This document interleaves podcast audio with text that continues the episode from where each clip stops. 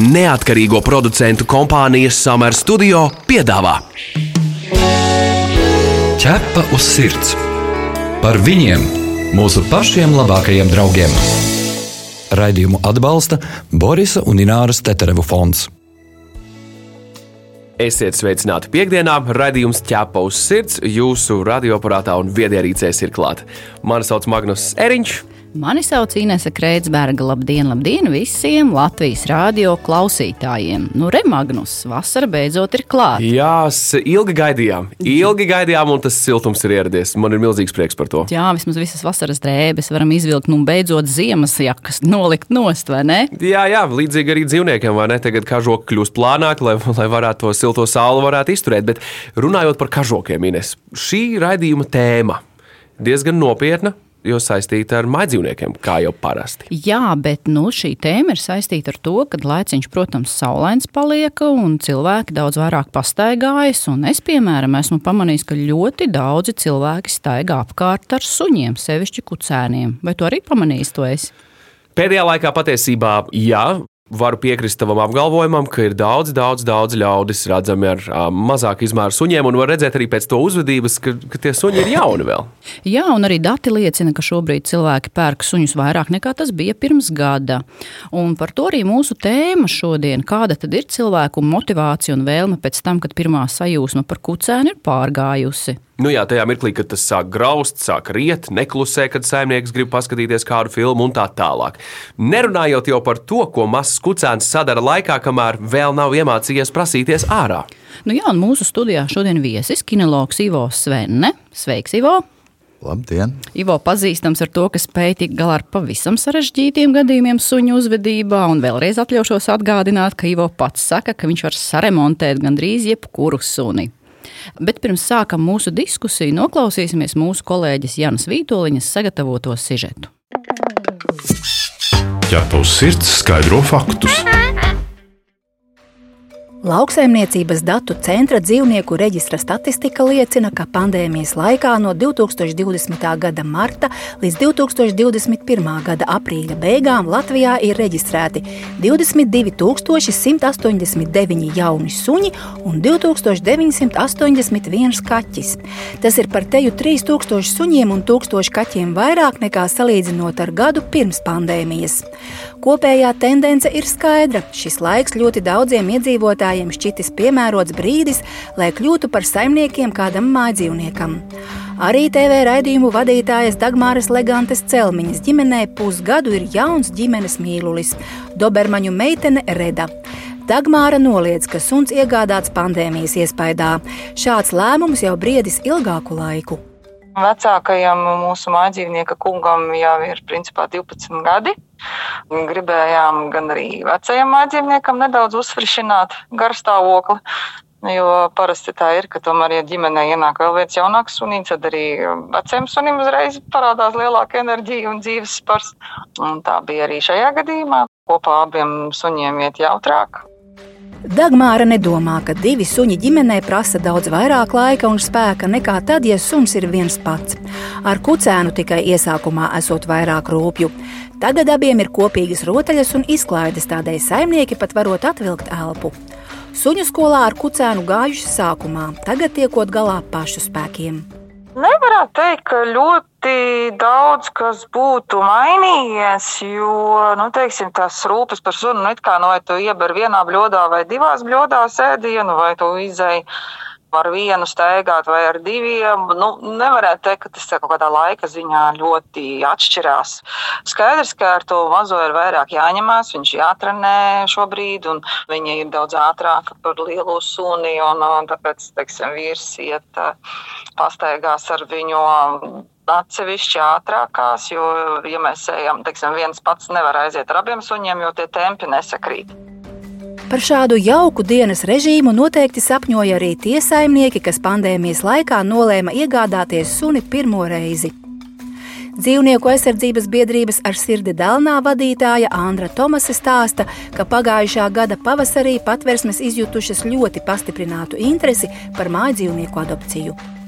Īpaši jāuzsver, ka pagājušajā gadā bija vienkārši pilnīga gribētāja lavīna, jo cilvēki sāka palikt strādāt no mājām, sāka palikt mājās, kam nebija darba, kas strādāja attālināti. Tas, protams, no vienas puses tas viennozīmīgi ir pozitīvs moments, jo tas tiešām cilvēks ir vairāk laika noteikti var veltīt tam dzīvniekam. Bet, nu, protams, no citas puses atkal tas tāds ļoti emocionālais lēmums. Diemžēl šajā pavasarī apstiprinās fakts, ka daudzi līdz galam nav apzinājušies sava spontānā lēmuma nopietnību šogad savukārt lavīna veidīgi tiek meklētas mājas nu, un tiek nodoti patversmē jaunsuņi, kas ir ap gadu veci. To uzreiz var saprast, to man arī kolēģi ir teikuši. Šobrīd, kad droši vien ir uh, sākt pietrūkt finanses, vai arī sāk atgriezties darbos, vai kā, vai vienkārši cilvēki aptver, ka nu, īsti ka tas bija tā, tā kā rotaļlieta paņemts vairāk, lai aizpildītu kaut kādu tur teiksim tā, laiku brīvo, nu, tad savukārt viņi vairs nav vajadzīgi, tie dzīvnieki. Ja dzīvnieku patversmes vēl cenšas kontrolēt, vai nākamie saimnieki spēs tikt galā ar suni, kā arī slēdz ar saimniekiem juridiski sastādītu adopcijas līgumu, tad šobrīd vislielākais akmens metams nelikumīgo dzīvnieku pavairotāju dārziņā. Droši vien tā problēma būtu krietni mazāka, ja arī tie paši atdevēji, kas ir vairotāji, kuriem kaut kur gadījās mūždien, kuriem kucas nesterilizētas, un nu, turienes jau tie visi kucēni arī nāk. Skatoties arī sociālos tīklos un visur citur, kur tiek piedāvāti kucēni, nu, viņi tiek izgrābti kā karsti pīrādziņi vienkārši dienas laikā pa metienam. Andra Tomase desmit gadu ilgajā pieredzē nav sastapusi nevienu saimnieku, kurš atvesdams suni uz patvērsmi atzītu savu vainu, ka nemāk vai negrib tikt galā ar mājdzīvnieku. Atstājot suni patversmē, saimnieks it kā nomierina savu sirdsapziņu, taču šķiras no dzīvnieka, ar kuru ilgu laiku dzīvot zem viena jumta, neizjūtot ne mazāko žēlumu. Šobrīd man teiksim, bija tieši gadījums, kad man bija žēl suni. man bija žēl suni, es suni izpirku par saviem līdzekļiem vienkārši izpirku suni, kurš arī šādi te ņēmis, kurai šobrīd ir kaut kādi nu, deviņu mēnešu sunītei. Cilvēki aizmirsa par viņu. Saņēma naudu, un jā, mēs, mēs iesim baznīcā, liksim svecīti, un, un lai viss ir kārtībā, un, un pat nu, vispār bez mazākās intereses, kas ar to dzīvnieku notiek. Andra stāsta, ka aprunājoties ar Vācijas kolēģiem, uzzinājusi, ka līdzīga situācija, kad masveidā tiek patversmēs atdoti ap gadu veci suņi, pat laban ir visā pasaulē. Ķerpa uz sirds, diskutē. Ines, noklausoties sižetu, šķiet, ka daudzas ģimenes kļūs laimīgākas, jo viņu vidū tagad ir suņuks vai kaķēns. Nu, tā taču ir laime un prieks, vai ne? Jā, un gada laikā, tātad pēdējā gada laikā Latvijā reģistrēti nu, gandrīz 22,000 jauni suņi un teju 3,000 kaķu. Un, Ivo, tad jautājums, kā tev liekas, tas ir daudz vai maz? 22,000 gada laikā. Labs skaitlis. Tas ir daudz vai maz Latvijā? Nu, diezgan daudz, manuprāt. Ivo, vai vari raksturot pēc saviem klientiem, kas ir apzinīgi un kārtīgi, kā arī tie, kas ir sapratuši, ka suns tomēr bija kļūda? Kas šobrīd ir tie cilvēki, kas grib suni, vai es novēroju? Tie ir cilvēki, kas, kurus ir manā skatījumā nogurdinājis visapkārt notiekošies un kuri tiecās pie dabas. Vai tās ir ģimenes ar bērniem, cilvēki, varbūt, kas ir vieni paši, varbūt arī veci cilvēki? Jā, jo pastāvošie ierobežojumi rada tādu vēlmu būt ar kādu. Un vieglākais variants tas ir dzīvnieks. Bet, nu, Pieejamākais. Tad, jā, bet cilvēki pie tevis nonāk nu, tā procentuāli pārsvarā, lai sāktu strādāt ar suni, viņi ir gatavi un atvērti, jeb tomēr, kad jau ir šīs uh, problēmas? Ļoti plašs un dažāds spektrs. Nāk gan cilvēki, uh, pirms iegādājās suņi, un teikšu, ka nav maz. Cilvēki, kur ir paņēmuši suni, kuriem ir saprot, ka viņi nesaprot to suni un sāk, un sāk darīt kaut kādas destruktīvas lietas. Tādu ir daudz.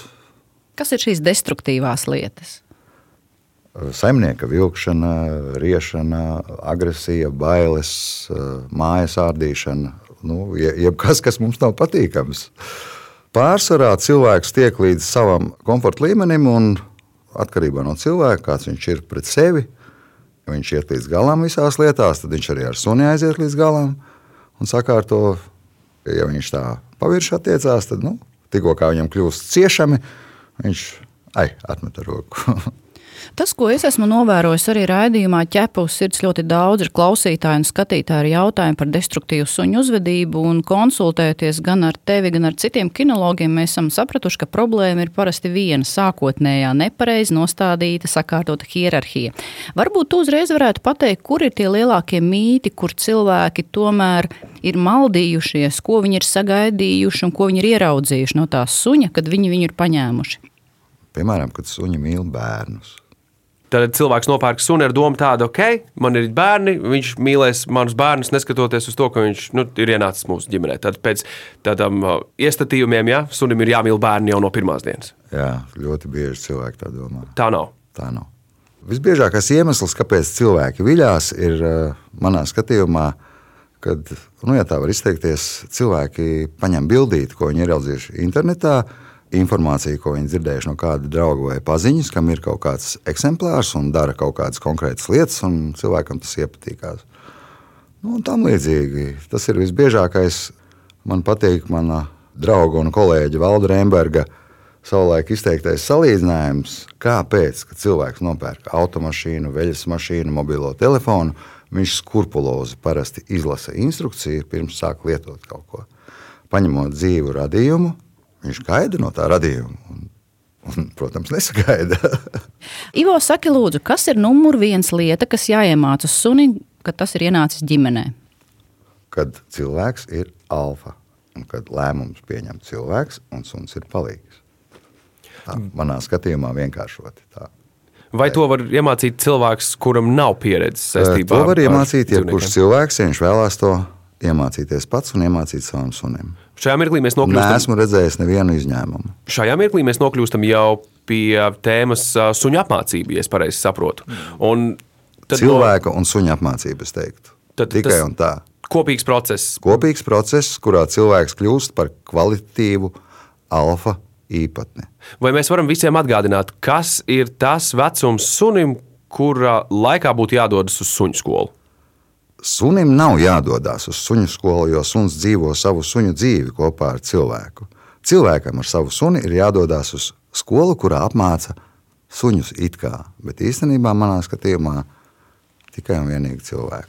Tas ir tas kā, interesantākais noslēpums. Kā cilvēks sāks pareizi sunim saprotami vibrēt, suns sāks dot viņam visu, ko cilvēkam vajag. Bet vai ir tāds minimālais vecums cilvēkam kopā ar suni? Manā skatījumā, kad ir jāiet mācīties? Es par dabu, kā teikt, manā skatījumā tikko suns ir atnācis pie manīm, sākās mācību process. Mēs mācāmies dzīvot kopā, par cik tu esi zvērs, un es dzīvoju urbānā vidē, un mūsu bars arī dzīvos urbānā vidē. Es tev rādu, kas apkārt notiek, un ko mēs darām, kā mēs rīkojamies, kā mēs nerīkojamies. Vai nevarētu būt tas, ka tas saucamais bardaks vai haoss ģimenē var rasties no tā, ka ģimenē pret šo dzīvnieku, pret šo suni katrs izturās savādāk? Varbūt vīrietis maz, mazliet stingrāk, sieviete varbūt visu laiku dod ēdienu, bērni tur spēlēs, spēlēs. Un īsnībā tas suns nesaprot, ko no kura gaidīt. Nevar būt tā. Precīzi. precīzi. Un ko tad darīt? Tāpat kā bērnu audzināšanā, lai gala produkts nesēdētu cietumā vai eh, nenodzertos vai vēl kaut ko sliktu neizdarītu musējos. Mums no bērnības ir viņam jādod sava mīlestība un savu mācību. Bet es tomēr nevaru saprast vienu lietu, kas tomēr cilvēkiem ir tas, kurā brīdī viņiem pietiek. Nu, kad viņi salūst, sabrūk, un tas dzīvnieks nonāk vai nu patvērsmē, vai tam tiek meklētas citas mājas. Tavuprāt, kas ir noticis? Uh, ilgus gadus sadarbojoties ar patversmēm Latvijā, redzot situāciju, esot tur visur iekšā, varu pateikt, lai kā ārēji izskatās, aiz katra suņa stāv traģisks cilvēku stāsts. Varbūt to cilvēku sabiedrība nosoda par to, ka tur ir tik traģiski un no nabaga sunīts cieš. Bet, ja paskatās dziļāk, tur cilvēki cieši. Tātad, vai es pareizi saprotu, ka cilvēki dažkārt ņem suni, lai tas uzlabotu viņam gara stāvokli, Jā. dzīve justos un liktos priecīgāka, bet tajā brīdī, Precīgi. kad tas nenotiek, es nejūtos laimīgs, tad, tad vainīgs ir suns. Ja? Un līdz ar to suns jūt manu vibrāciju, kad es neesmu apmierināts ar kaut ko. Un viņš nav spējīgs atvērties pret maniem. Um, tas, kas uh, ļoti svarīgi ir arī, ko Ivo vienmēr, jebkuru situāciju risinot, pirmais noskaidro, ir par ēdienu. Lielākā problēma, ko nesaprot saimnieki, kad ir slikti, ka sunim visu laiku ir pieejams bļodiņā ēdiens. Kāpēc tas ir slikti? Tāpēc, kad suns ir gaļēdājs un ar pilnu vēdenu, viņam nav pietiekošas motivācijas. À, tas nozīmē, ka rodas problēmas arī suni apmācīt, jo viņam pat tie kārumi neinteresēs. Ja? Uh, Ivo, vai tu vari uzskaitīt kļūdas, ko pieļauj visbiežāk saimnieki iesācēji, kam tas ir pirmais mājas dzīvnieks pēc savas pieredzes? Suņa cilvēciskošana tas ir numur viens. Tā kā mēģina ar suni sarunāt? Uh, nē, domājot, ka suns domā kā cilvēks. Nu, piemēram. Meitene paskatās uz savu sunīti, un viņam, viņai liekas, ka viņam ir bēdīgas atstiņas. Viņa sāk viņam uzreiz pievērst uzmanību, un Zuns saprot, ka à, es paskatos šitā, un cilvēks sāk dancot man apkārt. Un tikko kā cilvēks suns sēž uz vietas, un cilvēks iet uz viņu pusi, piesuņa, suns saprot, ka es šito te radījumu tamborēju. Nu, es tā izsakos. Es viņu vadu. Un tā tad man vajag veikt kaut kādas darbības, piešķirt ķermeni, galviņu mīlīgi, tur parādīt, ka esmu bēdīgs, tur šitā izdarīt, vai ko, kā kurš dara. Un saimnieks sāk dansot. Viss. Labi, tas ir viens suņa cilvēciskošana, vai ir vēl kādas uh, iesācēju kļūdas, no kurām vajadzētu obligāti izvairīties? Uh, visbiežākā ir iešana nostieptā pavadā. Otrs, uh, nu, mājās cilvēciskojam, un pēc tam ejam nostieptā pavadā, tādējādi uzkrāmējot sunim vadoņa pienākumus urbānā vidē, kur viņš reaģē pilnīgi uz visu kustību, kā tas pats vilks no dabas, ja, un vai nu kļūst agresīvs vai bailīgs. Vat varbūt tu varētu īsi noformulēt, kāpēc iešana pie pavadas ir tik svarīga un kas jāsaprot sunim, kad viņš ar saimnieku iziet pastaigā, ir otrādi. Sunim ir jāsaprot, ka saimnieks viņu uzaicina, sadarbību vada cilvēks. Lēmumus pieņem cilvēks, un tad viss būs kārtībā. Vai mēs varam pateikt īsi, tomēr, kā pareizi būtu cilvēkam, saimniekam jāiet ar suni pavadā? Kurš suns atrodas? Saimniekam? Suns atrodas, ja ir kaut kāds ārējais kairinājums, kas sāk uztraukt suni. Suns atrodas cilvēkam blakus, viņa galva ir vienā līmenī ar cilvēku kāju, tā lai viņš var redzēt ar sānu redzes saimnieku. Tikko viņš būs kaut kā mazliet 5 centimetrus uz priekšu un mazliet nostiepsies, un viņš pārstāja redzēt ar sānu redzes saimnieku, māte daba viņam saka, ka tev ir jāuzņemās atbildība par ārējo perimetru. Patiesi. Tas ir runājot par to, kad ja suns ierauga kairinājumu, un mums ir viņš jāpaņem blakus. Bet, kad kairinājumu, kas uztrauc suni, nav, suns var pilnīgi brīvi mūsu veidekļu veidā staigāt, ostīt, darīt savas darīšanas, lasīt suņu internetu. Delfus tur zālītē, un, Jā, un atstāt arī savas zīmes, zīmes, un, un darīt visas savas suņu lietas, izņemot kaut ko ņemt mutē. Es gribu atgādināt ik vienam radioklausītājam tieši šajā brīdī, ka mūsu raidījumu ķēpa uz sirds varat dzirdēt Latvijas radio arhīvā, kā arī populārākajās straumēšanas vietnēs podkāstu formā. Ķepa uz sirds, suņu būda. Jā, bet mēs turpinām ar dažiem mūsu klausītāju jautājumiem. Daudzi klausītāji uzsver, ka grūtākais ir vaļā palaistu suni sasaukt pie sevis. Nu, tas ir tiešām ļoti bieži uzdots jautājums, jo nu, mēs visi gribam, lai mūsu suns tā smuki mums blakus iet, nu, kā filmās rāda. Un, ja paskrien viņš uz priekšu, tad pēc pirmā sauciena atnāk atpakaļ.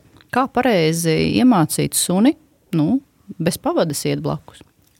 Mēs pilsētvidē noteikti nedrīkstam laist suni vaļā, kamēr mums nav vismaz, nu, es uzskatu, apmēram 95% dzirdēšanas, kad uz mūsu saucienu suns nāk tūdaļ.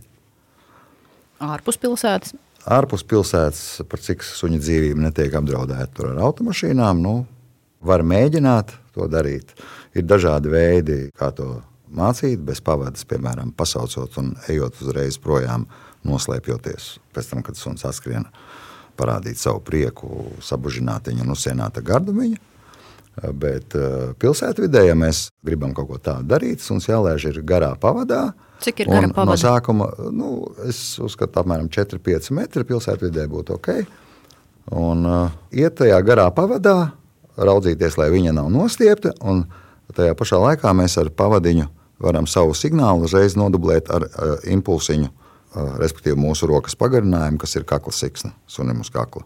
Viņa atrodas, un ja mēs pareizi iedarbojamies uz pavadu, tad kakla siksnā atbalsojās tās tikš, un suns paskatās uz mūsu pusi. Tikko kā suns paskatās, mēs sakam, ho. Zaķīt nāca pie manis, došu paies, došu ņemas. Vēl viens. Vienkārši pastaigas laikā ar garo pavadu vienkārši spēlēja tādu pingpongu. Suns prom, suns šurp, suns prom, suns šurp. Un katru reizi, kad suns ir šurp, mēs svinam mazus svētkus. Vēl viens no jautājumiem šajā dienā. Ko darīt situācijā, kad suns rei burtiski paliekot viens pats uz dažām minūtēm? Jo riešana faktiski ir arī viena no top problēmām, ar ko saskaras uh, suņu saimnieki. Jā, jā. Uh, sunim saimniekam aizejot, vismaz pirmajās reizēs, un uh, tā liekas, ka saimnieks pazūd vispār, un viņš sāk izrādīt savu uztraukumu vai pieprasīt, lai saimnieks nāk atpakaļ.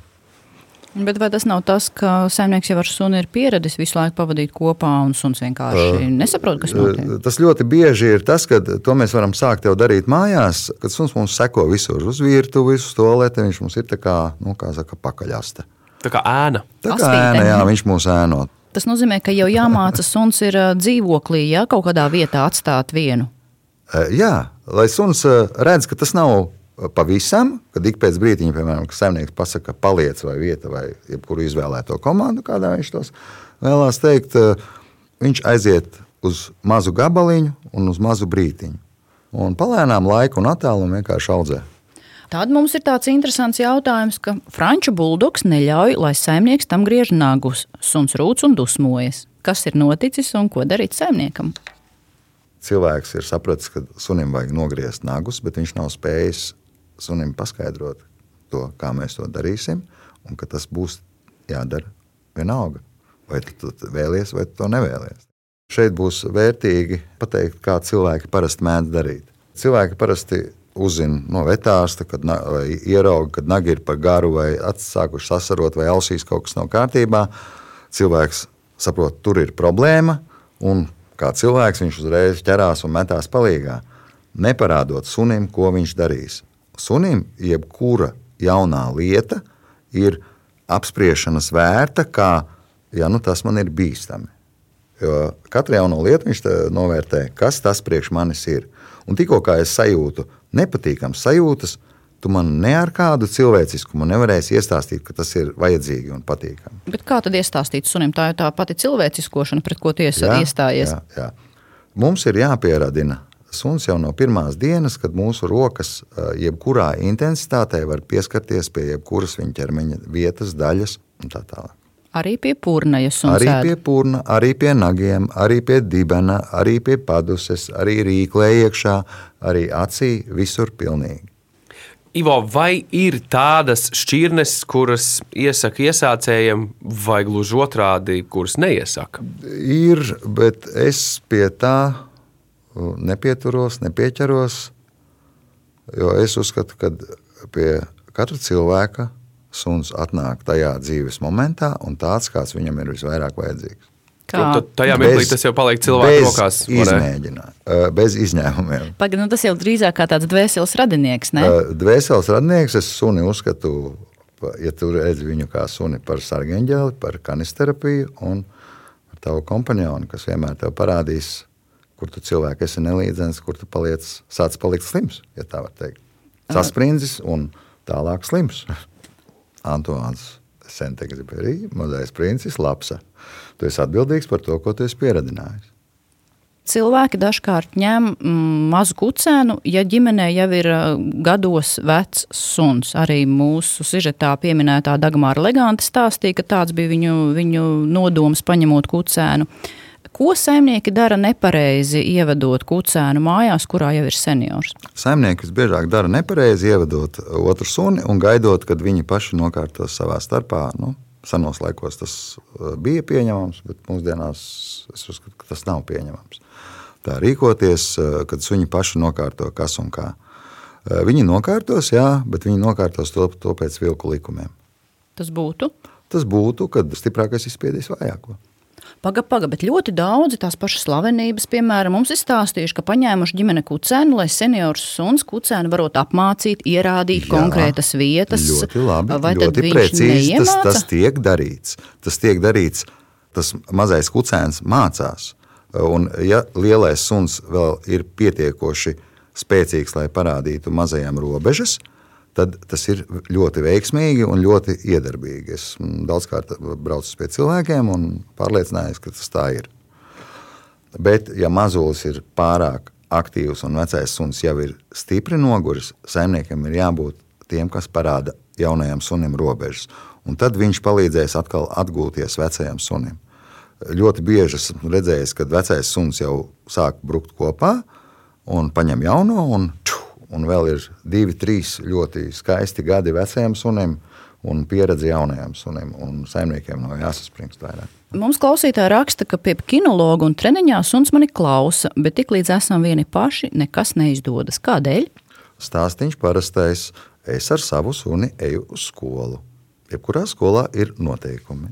Es tos noteikumus ievēroju, un instruktora vai kinologa vadībā es pildu to, ko viņš man rāda, stāsta un saka. Un ka es to pildu tā, kā man rāda stāsta cilvēks, kas pazīst suņa ķermeņa valodu, man suns mani klausa. Bet, kad es izēju ārā skoliņas, es izpūšu gaisu, un es vecais tur Jānis Juris Valdis vai Anna. Un, uh, ejot pa ielas, un uzreiz sajūtu, ka ah, šito te mēs suni tagad sagaidām pretīm nākošo kā Anna vai Juris vecais.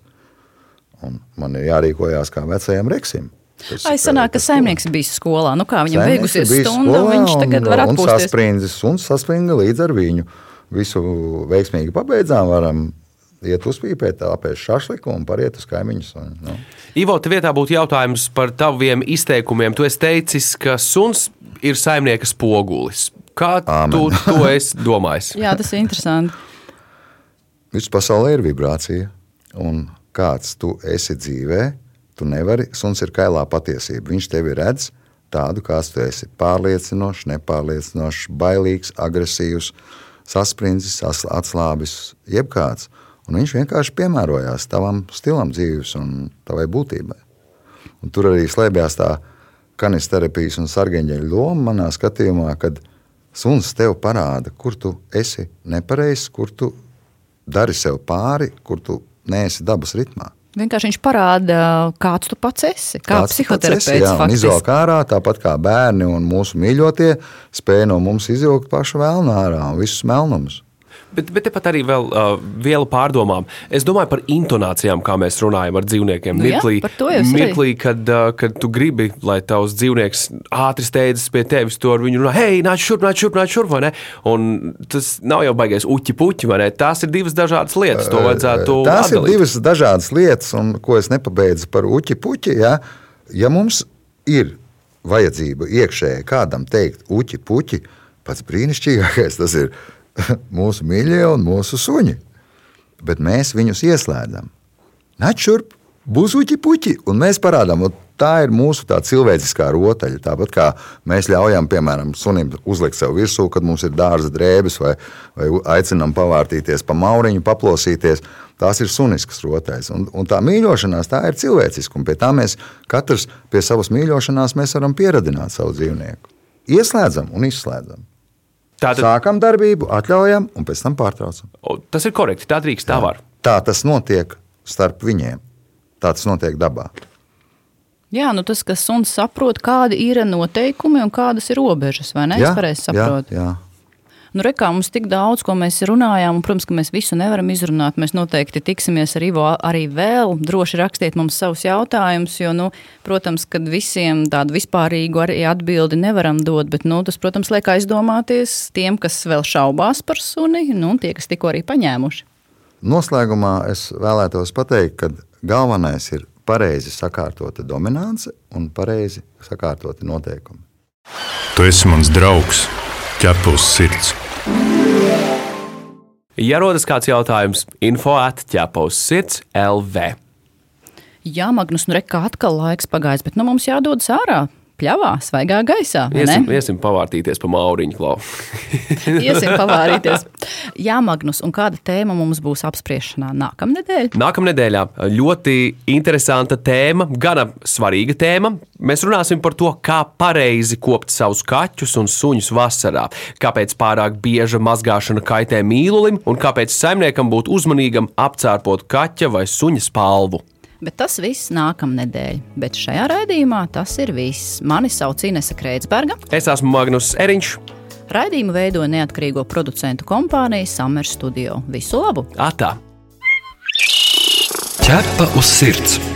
Informatīvi izglītojoši raidījums par dzīvnieku pasauli un cilvēkiem tajā. Raidījumu atbalsta Borisa un Ināras Teterevu fonds.